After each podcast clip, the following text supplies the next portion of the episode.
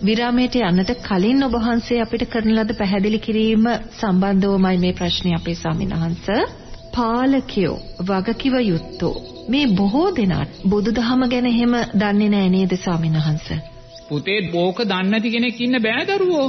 දන්න කෙනෙක් හරි උත්සාහ ගන්න එපා පුතේ. පුතේ මම භික්ෂුවක් නේ. මම භික්ෂුවක්.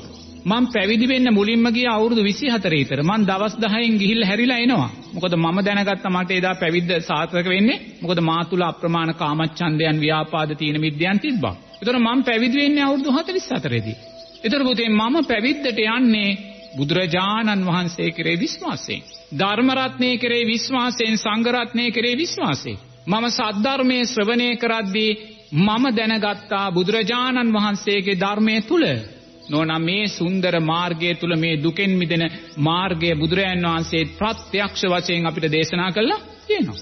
අතීතයේ හිටියා උතුම් රහතන් වහන්සේලා උතුම් චතුරාර්ය සත්‍ය අවබෝධ කළ දුකෙන් නිවුණා. අතීතයේ හිටියා උතුම් අනාගාමී උත්තමයෝ කාමරාග පටිගයන් නිරෝධය කරලා එකම ආත්ම භාවයකට භවගමන සීමා කරගත්තා.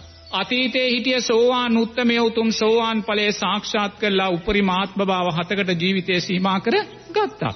તો දැන් අපි ඒවා කියවුවානේ. ඒවා කියවලා ඒවා අහලා ඒ ධර්මයේ ශ්‍රවණය කරලා අපි විශ්වාසයක් ඇති කරගත්තා. අනේ බුදුරජාණන් වහන්සේ දේශනා කළා තියෙනවා මේ ජීවිතේදීම උතුම් චතුරාර්ය සත්‍ය අවබෝධ කරන්න පුළුවන්. මේ ජීවිතේම උතුම් අනාගාමී ඵලයන්ට පත් වෙන්න පුළුවන් සකෘදාගාමී සෝවාන් ඵලයට පත් වෙන්න පුළුවන්. මෙන්න මාර්ගය. නෝන අපි ඒ විශ්වාසයෙන් ජීවිත පරිත්‍යාගයෙන් ඒ මාර්ගයට ආවනේ නෝන. ඒ ජීවිත පරිත්‍යාගයෙන් ඒ මාර්ගයට ආවනේ. එතකොට ජීවිත පරිත්‍යාගයෙන් මේ මාර්ගකට ඇවිල්ලා නෝනා අපි යම් බලාපොරොත්තුවක් මං යම් බලාපොරොත්තුවක් උතුම් පැවිදි ජීවිතයේ තුල සාක්ෂාත් කරගෙන පැවිද්දට ආවනම් මං ඒ මගේ බලාපොරොත්තු ඉටු කර ගත්තා. නමුත් ඒ ඉටු කරගත්ත සෑම බලාපොරොත්තුවක්ම අනිත්‍යයි කියලා මම දන්නවා. නමුත් ඒ බලාපොරොත්තු කරා අපි ආවා. ඒ ආවි කොහොමද? බුදුරජාණන් වහන්සේ දේශනා කළ වූ ධර්මය විශ්වාස කරලා. එහෙනම් ගිහි පින්වතුන්ලා තුල විශ්වාසයක් තියෙන්න ඕනේ. අපේ රටේ දේශපාලනය කරන දේශපාලඥයන් තුල විශ්වාසයක් තියෙන්න ඕනේ. සද්ධාව තියෙනවනම්. අනේ බුදුරජාණන් වහන්සේ දේශනා කළා තියෙනවා. මේ දස කුසල් ධර්මයන්ගෙන් සක්විති රජ කෙනෙක් බිහි කරන්න පුළුවන් කියලා අනේ දෙයියනේ මම මේක පුළුවන්ද බැරිද කියලා බලන්න හරි මම මේක යනවා කියලා යන කෙනෙක් ඉන්නවද නෝනා දස කුසල් ධර්මයන් පැත්තකින් තියමුකෝ කයෙන් සිදුවෙන වැරදි ටිකෙන්වත් මිදිලා ඒකත් පැත්තකින් තියමු වචනෙන් සිදුවෙන වැරදි ටිකෙන්වත් මම මිදෙනවා කියලා නැත්නම් මනසින් සිදුවෙන වැරදි ටිකෙන්වත් මම මිදෙනවා කියලා එකක් හොයගන්න කෙනෙක් අපිට දකින්න ඉන්නවද දකින්න නැහැ. ඒ අසද්ධාවේ ලක්ෂණ අපිට කරන්න දෙයක්. නමුත් මාර්ගයේ විවෘතව තියෙනව නෝනා. ඔබට අවශ්‍ය නම් උතුම් චතුරාර්ය සත්‍ය අවබෝධයටත් මාර්ගයේ විවෘතව තියෙනවා. මේ රටේ ඕනෙම පාලකයෙකුට සක්විති රජ කෙනෙක් වගේ සුන්දර රාජ්‍යයක් දරන්න අවශ්‍ය සාධක ධර්මයේ තුල පැහැදිලිව නමුත් අපිට ඒ තැන් වලට යන්න සද්ධාව නැති වෙලා අපි ගියොත් යන්නේ නෝනා වැරදි මාර්ගයකමයි. අපි පැවිද්දට ගියත් යන්නේ වැරදි මාර්ගයකටමයි. ඇයි? අපේ පංච නීවරණ වැඩි. පංච නීවරණ වැඩි. ඒ නිසා නිරේතුරුවම මේ මොහොතේ ඔබ කොරෝනා රෝගයෙන් පීඩා විඳිනවා නම් අනුන්ට චෝදනා කරන්න එපා. එක ඇඟිල්ලක් ඔබ අනුන්ට දික් කරද්දී ඇඟිලි හතරක් ඔබ දිහාවට එනවා. ඉන්දියාවේ ජනතාව ඉන්දියාවේ අගමැතිට එක ඇඟිල්ලක් දික් කරද්දී Taman දෙසට ඇඟිලි හතරක් එනවා. ඒක ඔබ තේරුම් ගන්න ඕනේ. ඔබම කළා වූ අකුසල් තමයි ඔබලා මේ විඳින්නේ. අද ඉන්දියාවේ අගමැතිතුමා ජනතාවට නිවැරදි ආකාරයෙන් සලකන්නේ නැත්නම් ඊළඟ ජීවිතේක ඔය ඉන්දියාවේ අගමැති දුප්පතෙක් වෙලා ඉන්දියාවෙම ඉපදිලා මට ඔක්සිජන් දෙන්න කියලා කෑ ගහගෙන මැරෙන අවාසනාවන්තෙක් බවට පත් වෙනවා. එයයි ධර්මය. එනිසා අනුන්ට වැරදි කළා කියලා ඔබ චෝදනා කරන්න එපා. සංස්කාරයෝ මේ ලෝකේ තියෙන සැබෑම අධිකරණයයි කොතනකවත් දශමයකින්වත් අයිතු තීන්දුවක් දෙන්නේ නැහැ. ඒ නිසා ඔබ දක්ෂ වෙන්න රෝගී භාවය තුල ඔබ ඉන්නවා නම් නිරෝධානය වෙමින් ඔබ ඉන්නවා නම් රෝගී බියෙන් ඔබ ඉන්නවා නම් කරුණා කරලා අනුන්ට චෝදනා කිරීම පැත්තකින් තියලා ඔබ කුසල් ධර්මයන් කෙරේ ඡන්දය ඇති කරගන්න දස කුසල් ධර්මයන් කෙරේ සිතින් කයින් වචනයෙන් සිද්ධ වෙන යහපත් දේම කරන්න තේන්න ආරෂ්ඨාංගික මාර්ගයේ වැඩෙන දේ කරන්න. ඡන්දය වීරිය ඔබ ආරෂ්ඨාංගික මාර්ගයේ කෙරේ වීරිය ඇති කරගන්න වෙන වෙන දේවල් කෙරේ වීරිය ඇති කරගන්න එපා. ආරෂ්ඨාංගික මාර්ගයේ කෙරේ ඔබ වීරිය ඇති කරගන්න. ඔබ චිත්තයක් ඇති කරගන්න අදිෂ්ඨානයක් ඇති කරගන්න. මම මෙවැනි මේ සාංසාරික ව්‍යාසනයන් මං ඇස් දෙකින්ම දකිනවා අකුසලේ තියෙනා වූ භයානක භාවයක් ජීවිතේ දකිනවා. මේ අකුසලේ භයානකභාවය අපිට විඳින්න වෙන්නේ අපි තාම උතුම් සෝවාන් ඵලයටපත් නොවුන නිසාමයි කියලා තැන ඉඳන් මම මේ ජීවිතේ මේ ව්‍යාසනය උපයෝගී කරගෙන මේ රූපේ අනිත්‍යභාවය දකිමින් මේ විඳීම් වල අනිත්‍යභාවය දකිමින් මේ හඳුනා ගැනීම වල අනිත්‍යභාවය දකිමින් මේ සංස්කාරයන්ගේ මේ විඤ්ඥානයේ අනිත්‍යභාවය දකිමින් මං මේ ජීවිතේ සෝවාන් පලට පත් වෙනවා කියන චිත්තය ඇති කරගන්න. ඒ චිත්තය ඇති කරගෙන නිරේතුරුවම මේ රූපවේදනා සංඥා සංකාර විඤ්ඥාන ධර්ණයෝ නිරේතුරුවම විදර්ශනාවෙන් විමන්සාාවෙන් දකිමින් ජීවත් වෙන්න එම දකිද්දි නෝනා අපි වර්තමානය තුළ කුසලේ තුළ ජීවත් වෙච්ච කෙනෙක් බවට පත්වෙන. අපි වර්තමානය තුළ බුදුරජාණන් වහන්සේ දේශනා කලා වූයේ ගොදුරු බිම බුදුරජාණන් වහන්සේ ඔබට වග කියන ගොදුරු බිම. බුදුරජාණන් වහන්සේ වග කියන ගොදුරු බිම් වන සතර සටිපට්ඨානය තුළ ජීවත් වෙච්ච කෙනෙක් බවට පත්වෙනවා. ඒ නිසා වැදගත් වෙන්නේ අපි මැරෙන ආකාරය නෙමේ නෝනා. මැරෙන ආකාරය වැදගත් වෙන්නේ අපි ඔක්සිජන් නැතුව මැරෙනවාද ප්‍රතිකාර නැතුව මැරෙනවාද ඇඳක් නැතුව මැරෙනවාද මහපාරක මැරෙනවාද ගෙදරක මැරෙනවාද කාල කන්නියෙක් විදිහට කිසිම කෙනෙක්ගේ හව්වරණයක් නැතුව මැරෙනවාද කියන මැරෙන ක්‍රමේ වැදගත් වෙන්නේ නැහැ. ඔබ කාල කන්නියෙක් විදිහට කාගෙවත් හව්හරණක් නැතුව මහපාරේ කොරෝනාව මැරුණත් ඔබ මැරෙන මොහොතේ සියලු සංස්කාරයෝ අනිත්‍යයි කියලා ඔබ මහපාරේ මැරුණත් ඔබ උතුම් සෝවාන් ඵලයට පත් වෙලා සුන්දර දෙවියෙක් වෙලාමයි උප්පත්තිය. එනම් මැරෙන ක්‍රමය අදාළ වෙන්නේ නැහැ. මරණාසන්න මොහොතේ ඔබ ඇති කර ගන්නා වූ ධර්මානුකූල චේතනාවයි විදර්ශනාමය චේතනාවයි කුසල් චේතනාවයි වැදගත් වෙන්නේ. එනිසා නිරේතුරුවම දකින්න සුන්දර ධර්මයක් අපි දකින්නේ. ධර්ම විනය නැමති ජීවමාන බුදුරජාණන් වහන්සේ තමන් උපන් දේශයේම තමන් සම්මා සම්බෝධිය අවබෝධ කරගත්ත දේශයේම තමන් පිරිනිවී ගිය මොහොතේම ඒ උතුම් ධර්ම විනය කියන උතුම් ජීවමාන ශාස්තුන් වහන්සේ සියලු සංස්කාරයන්ගේ අනිත්‍යභාවය සක් සුදක්සේ ප්‍රකට කරමින් ධර්මයේ එහි පස්සික ගුණය ප්‍රකට කරමින් අකුසලේ වියරුව ප්‍රකට කරමින් සුන්දර ධර්මයක් දේශනා කරනවා. කරුණාවෙන් සතිය සීයෙන් ඒ ධර්මය ශ්‍රවණය කරන්න. සතිය සීයෙන් ඔබ ඒ ධර්මය ශ්‍රවණය කළොත් ඔබ තුල නිරේතුරුවම ධර්ම විජය බොජ්ජංගේ වැඩේවි. ධර්ම විජය බොජ්ජංගේ වැඩෙද්දී ඔබ මේ සංස්කාරයන්ගේ අනිත්‍යභාවය සුන්දරවන් අවබෝධ කරාවි අනේ දෙයනේ ඉන්දියාව වැනි සුන්දර සංස්කාරයෝ සුන්දරම ලෝකේ ඉන්න සුන්දරම කලාකරුවන් ඉන්නේ ඉන්දියාවේ සුන්දරම ජනප්‍රිය ලෝකයේ සිනමාවතින් ඉන්දියාවේ. මෙවන් සුන්දර සංස්කාරයන් අනිත්‍ය වෙලා යනවායි කියන මේ සුන්දර ධර්ම විජය බොජ්ජංගේ ඔබ තුල වැඩේවි. මේ සියලු සංස්කාරයෝ අනිත්‍ය වෙලා යන හැටි අර මිනිස්සු හඬා වැටෙන හැටි අර මලමිනි මහපාරවල් වල ගොඩ ගැහෙන හැටි මහා ගිනි ජාලා පිච්චි පිච්චි තීන හැටි මේ සෑම දෙයක් තුලින්ම අපි දකින්නේ මේ සංස්කාරයන්ගේ අනිත්‍ය.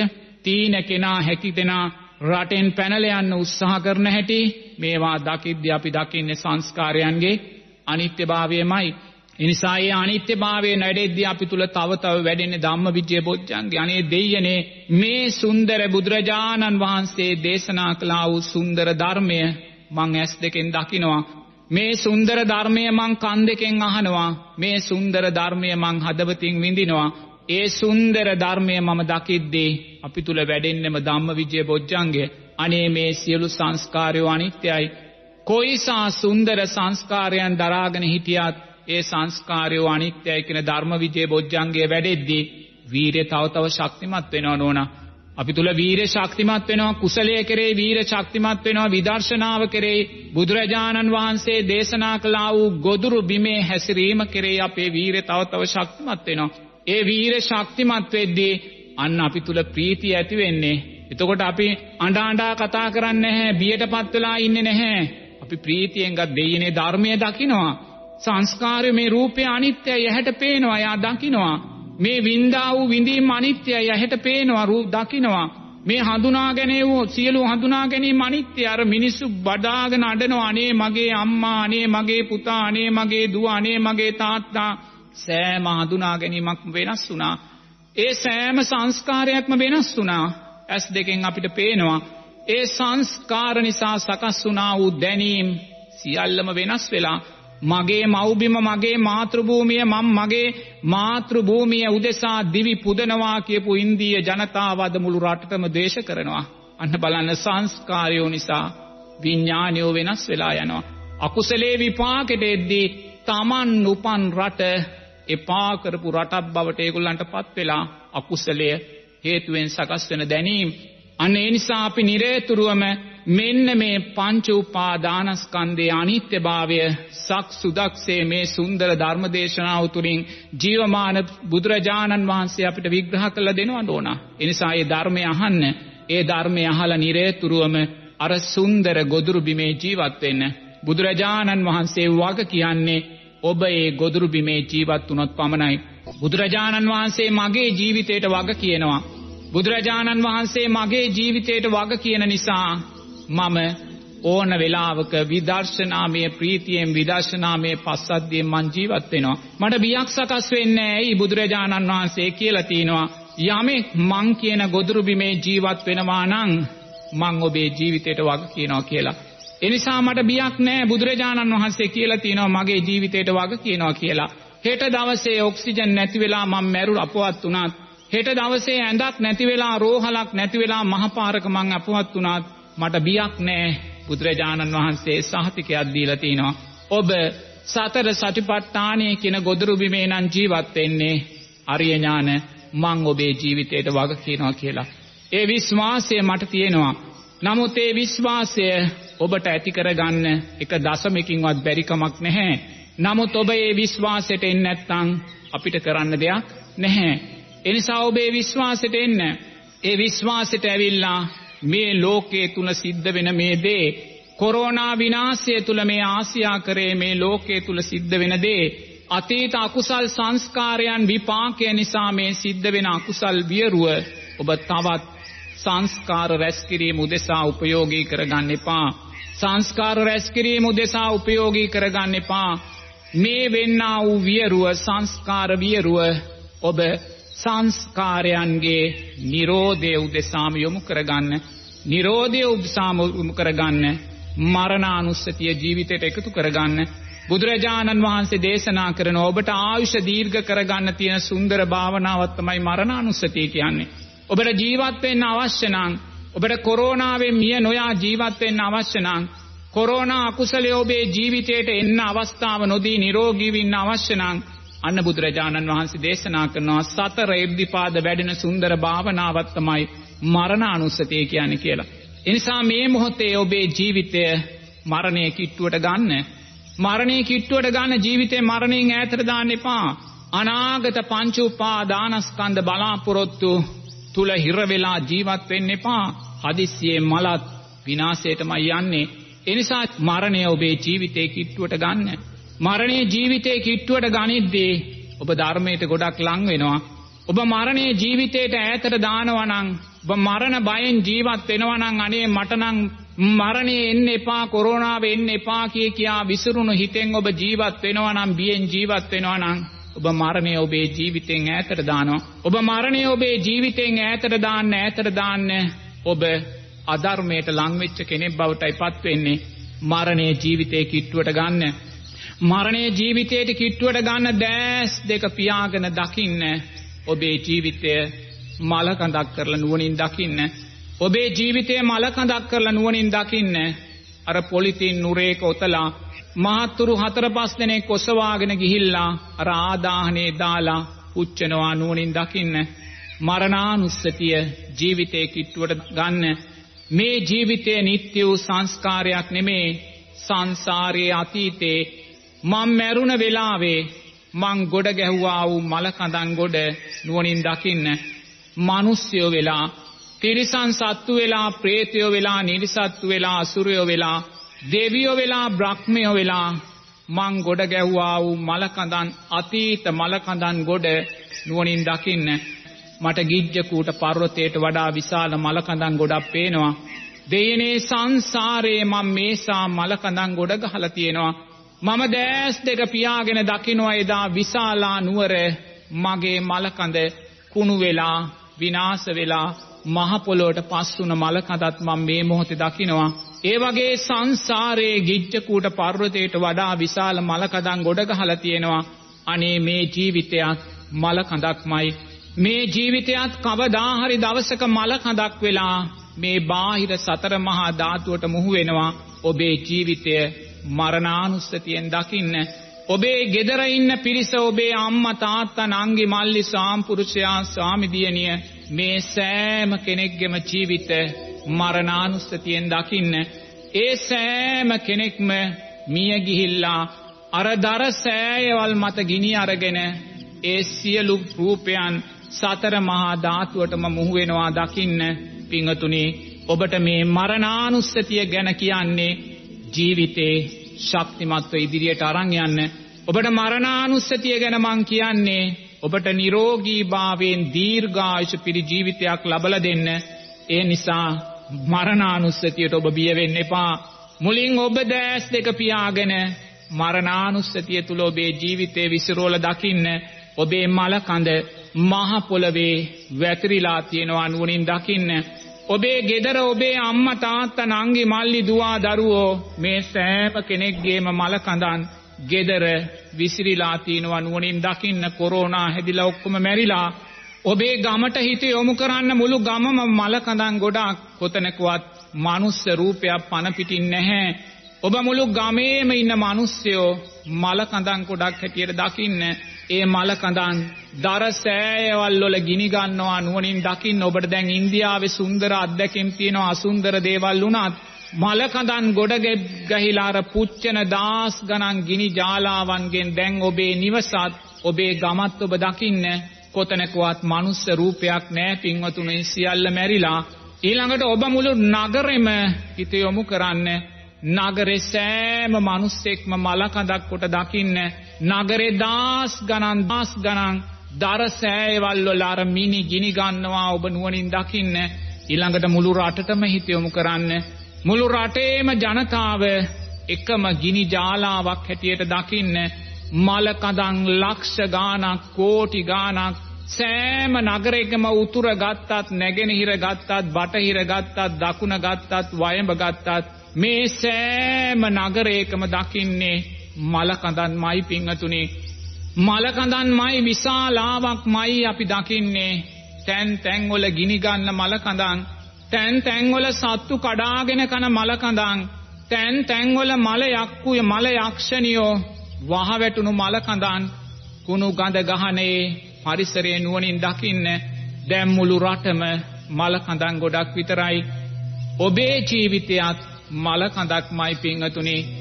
සුන්දර මරණානුස්සතිය ජීවිතයට එකතු වෙන්නේ සතර ඉර්ධිපාද ජීවිතයෙන් මෝදු වෙනවා. ඔබ ඊළඟට ලෝකයට හිත යොමු කරන්න ඉන්දියාවට හිත යොමු කරන්න ඇමරිකාවට හිත යොමු කරන්න රුසියාවට චීනයට පාකිස්තානයට මේ ලෝකෙටම හිත යොමු කරන්න. ඒ සෑම තැනම මල කඳන් ගොඩක් ඔබ දකින්නේ.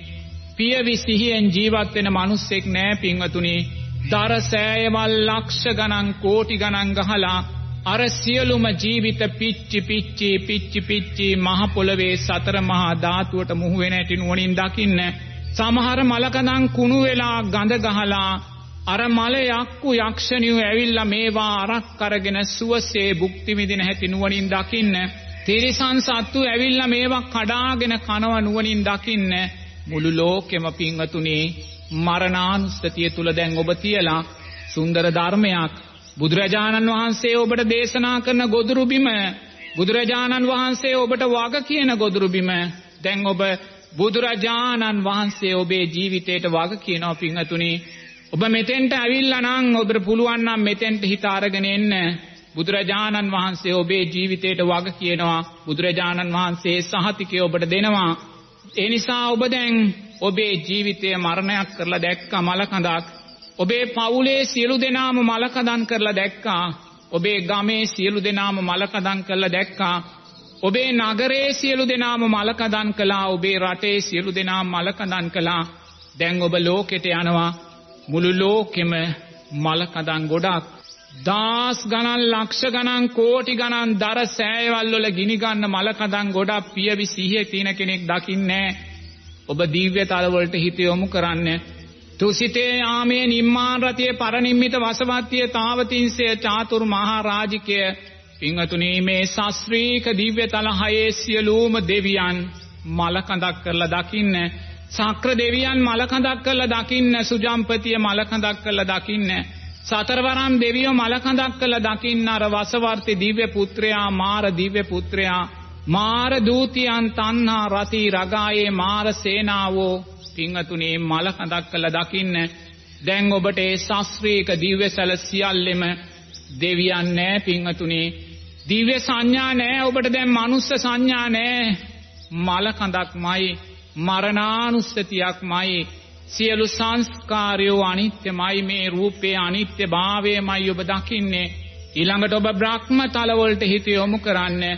අර රූපාවචර අරූපාවචර බ්‍රහ්මතල අනාගාමී බ්‍රහ්මතලව ඉන්න බ්‍රහ්මයෝ මරණානුස්සතියෙන් දකින්න මල කදන් කළ දකින්න එරමිනිය ගොතාගෙන වැඩ සිටින සක්මන් කරමින් වැඩ සිටියේ බ්‍රහ්මයෝ මල කඳක් කරලා දකින්න මහ පොළොවේ වැටිලා කුණු වෙලා නරක් වෙලා ගිනි ගන්නා වූ ඒ මල කඳන් නුවණින් දකින්න පින්වතුනි දැන් ඔබ බවාත්‍රේම මරණානුස්සතියෙන් දැකලා බවාත්‍රේම සත්‍යෝ මරණානුස්සතියෙන් දැකලා කොතනකවත් ඔබට පුද්ගල සංඥාවක් ජීවමාන සංඥාවක් කොතනකවත් නැහැ. මනුස්ස ලෝකේ කොතනකවත් ජීවමාන සංඥාවක් නෑ මලකඳන් ගොඩක්මයි පිච්චෙන ආදාහනාගාරයක්මයි දිව්‍යතල ගත්තත් දිව්‍ය මලකඳන් ගොඩක්මයි බ්‍රහ්මතල ගත්තත් බ්‍රහ්ම මලකඳන් ගොඩක්මයි. සතර අපාය ගත්තත් බල්ලන්ගේ හරකුන්ගේ අලියන්ගේ කොටින්ගේ මලකඳන් ගොඩක් පමණක්මයි. ප්‍රේත ලෝක අසුර ලෝක නිරේ ගත්තත් මේ සියල්ලෙම ඔබ දකින්නේ මලකඳන් ගොඩක් පමණක්මයි. බවාත්‍රයම පිංවතුනේ මරණානුස්සතියෙන් දකිනවා. මේකයි ඇත්ත මේකයි යථාර්ථය මේකයි ධර්මය. එයා රූපේට ඇලෙන්නේ නැහැ පිංවතුනේ එයා වේදනාවන්ට ඇලෙන්නේ නැහැ. එයා හඳුනා ගැනීම වලට ඇලෙන්නේ නැහැ. එයා සංස්කාරයන්ට ඇලෙන්නේ නැහැ. එයා විඥාණයන්ට බැඳෙන්නේ නැහැ. රූපය මමේ කියලා ගන්නෙ නැහැ. මගේ කියලා ගන්නෙ නැහැ. මගේ ආත්මය කියලා ගන්නෙ නැහැ. මේ රූපය අනිත්‍ය වූ මරණානුස්සතියක් නම් මේක අයිති ගින්දරට නම් මේක අයිති මහ පොළොවට නම් මේක අයිති බාහිර සතර මහා ධාතුවට නම් මේ රූපය ඇසුරෙන් සකස් වෙන සංඥා සංස්කාරයෝ විඥානයෝ විඳීම් මමේ කියලා ගන්නෙ නැහැ. මේ රූපය අනිත්‍ය නම් මේ රූපය නිසා සකස් වෙන වේදනා සංඥා සංකාර විඥානයෝ සැපයි සුබයි නිත්‍යයි ආත්මයි කියලා දකින්නේ පිංහතුනේ එයා නිරේතුරුවම මුළු ලෝකයේම මරණානුස්සතිය තුල දකිනවා. ඒ මරණ කුණු වෙලා ඒ මලකඳන් කුණු වෙලා ඒ මලකඳන් ගිනි අරගෙන බාහිර සතර මහා ධාතුවටම මුහු වෙනවා දකිනවා එයා මුළු මනුස්ස ලෝකේ දිව්‍ය ලෝකේ බ්‍රහ්ම ලෝකේ සතර අපායේ සියලුම සත්ත්ව රූප පිංගතුනි ඒ ආධ්‍යාත්මික රූපයන් බාහිර රූපයට බාහිර පටවි ධාතුවට බාහිර සතර මහා ධාතුවට මුහු කරලා දකිමින් නිරේතුරුව මෙයා රූපය කෙරේ තියෙන තෘෂ්ණාව සියුම් කරගන්නවා. එයා රූපය කෙරේ තියෙන තෘෂ්ණාව මරා දානවා ජීවිතයෙන් පිංගතුනි දැන් ඔබ මොහොතක් හිතන්න මේ ආකාරයෙන් ඔබ මරණානුස්සතිය තුල ජීවත් වෙද්දී ඔබට කොරෝනාව මතකෙන් ගිරිහිලා තියෙන්නේ. ඔබට පංච නීවරණයන් නැති වෙලා ජීවිතෙන් තියෙන්නේ විදර්ශනාත්මක සත්‍ය බොජ්ජංගයන් වැඩිලා තියෙන්නේ. ප්‍රීතිය තුල ඔබ ජීවත් වෙනවා පස්සද්ධිය තුල ඔබ ජීවත් වෙනවා. ඒ වගේම හිත සමාධිමත් ධර්මයේ උපේක්ෂාව විදර්ශනාත්මක උපේක්ෂාවට ඔබේ හිත අරගන්න දක්ෂයි පිංගතුනේ එනිසා ඔබ හිතන්න අකුසලයක් විපාකෙට එන්නේ. අකුසලයේ විපාකෙට එන්නේ බුදුරජාණන් වහන්සේගේ වරදින් නෙමේ. ධර්මරත්නයේ වරදින් නෙමේ සංඝරත්නයේ වරදින් නෙමේ. ඔබ බුදුරජාණන් වහන්සේට අතීතයේ අකීකරුණ නිසාමයි. ඔබට මේ අකුසලයේ විපාකට එන්නේ. බුදුරජාණන් වහන්සේ ඔබට දේශනා කරපු ගොදුරු බිම ඔබ හැරගිය නිසාමයි. ඒ නිසා මේ අකුසලයට තෙරුවන් වර්ධකරු නෙමේ. මේ අකුසලයට සංඝයා වරදකරු නෙමේ ධර්මයේ වරදකරු නෙමේ. මේ අකුසලය වරදකරු ඔබමයි. එනිසා ඔබ නිවැරදි වෙන්න මාර්ගය මේ මොහොතේ තියෙනවා විවරව.